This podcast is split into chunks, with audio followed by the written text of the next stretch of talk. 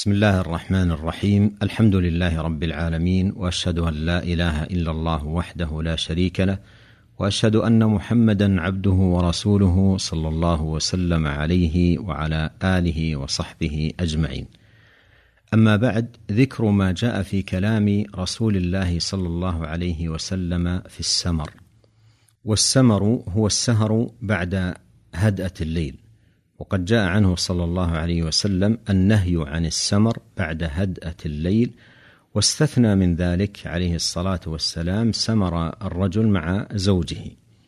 عن عائشة رضي الله عنها قالت جلست إحدى عشرة امرأة فتعاهدنا وتعاقدنا ألا يكتمن من أخبار أزواجهن شيئا. فقالت الأولى زوجي لحم جمل غث. على رأس جبل وعر لا سهل فيرتقى ولا سمين فينتقل. قالت الثانية زوجي لا أبث خبره إني أخاف ألا أذره إن أذكره أذكر عجره وبجره. قالت الثالثة زوجي العشنق إن أنطق أطلق وإن أسكت أعلق. قالت الرابعة زوجي كليل تهامة لا حر ولا قر ولا مخافة ولا سآمة. قالت الخامسة زوجي إن دخل فهد وإن خرج أسد ولا يسأل عما عهد. قالت السادسة زوجي إن أكل لف وإن شرب اشتف وإن اضطجع التف ولا يولج الكف ليعلم البث. قالت السابعة زوجي عيايا أو غيايا طباقا كل داء له داء شجك أو فلك أو جمع كلا لك. قالت الثامنة زوجي المس مس أرنب والريح ريح زرنب. قالت التاسعة زوجي رفيع العماد طويل النجاد عظيم الرماد قريب البيت من الناد. قالت العاشرة زوجي مالك. وما مالك؟ مالك خير من ذلك. له إبل كثيرات المبارك قليلات المسارح. إذا سمعن صوت المزهر أيقن أنهن هوالك. قالت الحادية عشرة زوجي أبو زرع. وما أبو زرع؟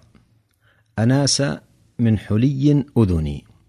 وملأ من شحم عضدي وبجحني فبجحت إلي نفسي.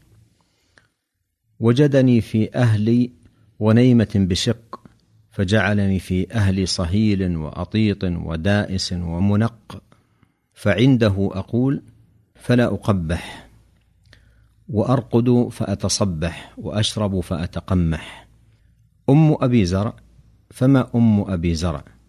عكومها رداح وبيتها فساح. ابن أبي زرع فما ابن أبي زرع. مضجعه كمسل شطبة وتشبعه ذراع الجفرة. بنت أبي زرع فما بنت أبي زرع؟ طوع أبيها وطوع أمها ملء كسائها وغيظ جاراتها. جارية أبي زرع فما جارية أبي زرع؟ لا تبث حديثا تبثيثا ولا تنقث ميرتنا تنقيثا ولا تملأ بيتنا تعشيشا. قالت خرج أبو زرع والاوطاب تمخض فلقي امرأة معها ولدان لها كالفهدين يلعبان من تحت خصرها برمانتين فطلقني ونكحها.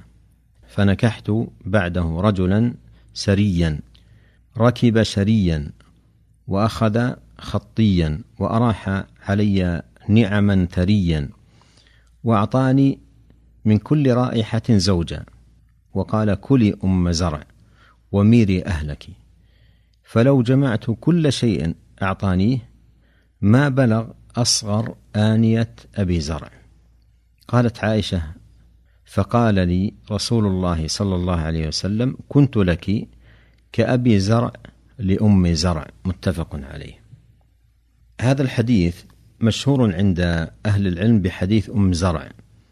ومن أهل العلم من أفرده بمصنف خاص لكثرة فوائده كالقاضي عياض رحمه الله في كتابه بغية الرائد لما تضمنه حديث أم زرع من الفوائد. ومنهم من شرحه ضمنا مستوفيا فيه الكلام كالحافظ بن حجر في كتابه فتح الباري. قولها فقالت الأولى زوجي لحم جمل غث على رأس جبل وعر لا سهل فيرتقى ولا سمين فينتقل. شبهت زوجها بهذا التشبيه مبينة أنه كان معها قليل الإفادة والإحسان. فشبهته بلحم الجمل لأنه أغلظ من لحم الضأن. ومع ذلك غث أي هزيل لا يستساغ من هزاله. وهذا اللحم أيضا على رأس جبل وعر. تشير بذلك إلى قلة إحسان زوجها إليها وسوء أخلاقه وفظاظته. قالت الثانية زوجي لا أبث خبره إني أخاف ألا أذره. إن أذكره أذكر عجره وبجره. وصفت زوجها بأنه كثير المعائب. ولو أنها فتحت الباب للحديث عن معائبه لطال الحديث فاكتفت بهذا الإجمال. قالت الثالثة زوجي العشنق أي الطويل طولا مذموما فهو على غير عقل وعلى غير رزانة. إن أنطق أطلق. إن أنطق بشيء من أخباره وتصرفاته أطلق. وإن أسكت أعلق. أي وإن أسكت أسكت على مضض وعلى قهر وأكون عنده مثل المعلقة التي لم يطلقها زوجها فتنكح زوجا غيره ولا هو الذي أبقاها عنده بحقوقها الزوجية المعتبرة. قالت الرابعة زوجي كليل تهامة وتهامة هي المنطقة المنخفضة بين البحر الأحمر وجبال الحجاز واليمن. تشبه زوجها بليل تهامة فما صفة ليل تهامة؟ قالت لا حر ولا قر أي ليس بالحار ولا بالبارد وإنما هو معتدل فكذلك زوجها فهو معتدل في تصرفاته ومعاملاته معها. ولا مخافة أي ليس عندي من جهته مخاوف ولا سآمة أي ملل وذلك بسبب اعتداله. قالت الخامسة زوجي إن دخل فهد وإن خرج أسد ولا يسأل عما عهد. وصفت زوجها بأنه يدخل بيته دخول الفهد الحيوان المعروف ويخرج خروج الأسد من الشراح من اعتبر هذا الوصف مدحا وثناء. فكأنها تمثل زوجها عند دخوله للبيت بالفهد من حيث التكرم والإحسان وحسن المعاشرة وعند الخروج بالأسد من حيث الشجاعة. ولا يسأل عما عهد لكثرة مسامحته وعلى هذا أكثر الشراح. ومنهم من اعتبر بعضه مدحا وبعضه ذما فهو يشبه الأسد في الشجاعة إذا خرج فهو مدح ويشبه الفهد إذا دخل فهو ذم قالوا الفهد إذا أوى إلى كهفه فليس عنده إلا النوم. وكونه لا يتفقد بيته ليعرف نواقصه وحاجاته هذا أيضا يعتبر ذم آخر. قالت السادسة زوجي إن أكل لف. هذه تذم زوجها بأنه إذا دخل بيته فليس له هم إلا بطنه. فلذا إن أكل لف أي إذا جلس الأكل يلف الذي أمامه من الطعام ويستقصيه وإن شرب اشتف أي إذا شرب فلا يبقي شيئا من الشراب. وإن اضطجع التف أي اضطجع لينام التف بلحاف واحدة في طرف من البيت ولا يسأل عن أهله. ولا يولج الكف ليعلم البث أي أنه لا يتفقد زوجه ولا يؤانسها ولا يلاطفها ليعلم ما في نفسها من أحزان وهموم ونحو ذلك. قالت السابعة زوجي عيايا من العي وهو وهو الانهماك في الشر. أو غيايا من الغي وهو الذي لا يهتدي.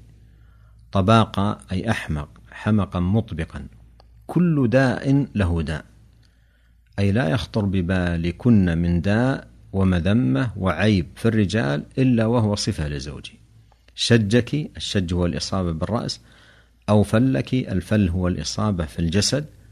تصفه بأنه في تعامله معها قاسيا يضربها فمرة يشج رأسها ومرة يدمي جسمها. أو جمع كل لك ومرة يجمع الأمرين الشج والفل. قالت الثامنة زوجي المس مس أرنب. تعني أن جسمه لطيف وهو دائما نظيف. والريح ريح زرنب. الزرنب نوع من النبت طيب الرائحة. تعني بأنه طيب الرائحة. وهذه لم تذكر في زوجها إلا مدحا. وهذا المدح يتضمن حسن المعاشرة وجمال الأخلاق. قالت التاسعة زوجي رفيع العماد طويل النجاد عظيم الرماد قريب البيت من الناد. تشير إلى أن زوجها مضياف. قد وسع بيته لاستقبال الضيوف وأن النار توقد في البيت باستمرار لعدم انقطاع الأضياف وأنه وضع بيته في مكان قريب من مجلس القوم وناديهم حتى يراه كل وافد. وكل هذه الأوصاف مدح لهذا الزوج. قالت العاشرة زوجي مالك أي عنده شيء عظيم يملكه وما مالك؟ أي ما الذي يملكه مالك خير من ذلك. خير مما يجول في أذهانكن. أو ملكه خير مما ذكرت المرأة التاسعة عن زوجها. أو ملكه خير مما أصفه لكن الآن. كأنها تشير إلى أن عنده خيرات كثيرة وأنها ستقتصر على ذكر بعضها. له إبل كثيرات المبارك قليلات المسارح. المسارح المكان الذي تذهب إليه الإبل لترعى. وصفها للإبل بأنها قليلة المسارح إشارة إلى أن الرجل كثير الأضياف فلذلك يستبقي دائما من الإبل في المبارك حتى ينتقي منها ما طاب ليذبحه إكراما لأضيافه. إذا سمعنا أي الإبل صوت المزهر أيقنا أنهن هوالك. المزهر آلة من آلات اللهو. ربما كانت تستعمل عند هذا الرجل عند مجيء الأضياف. والمعنى أن هذه الإبل إذا سمعت صوت هذه الآلة تأكدت أنها سيذبح منها عدد إكراما لأضيافه قالت الحادية عشرة زوجي أبو زرع أناس من حلي أذني وملأ من شحم عضدي. أي أنه كان يكرمها بالطعام والغذاء حتى إن جسمها أصبح صحيحا متغذيا إلى آخر ثنائها عليه ومدحها العظيم له.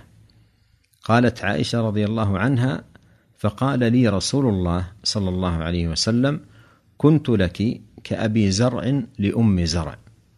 ففي هذا الحديث مؤانسة النبي عليه الصلاة والسلام لأزواجه سواء بمحادثتهن بما يؤنسهن أو بسماع أحاديثهن وإن طال أو بالتعليق الجميل المفرح على حديثهن.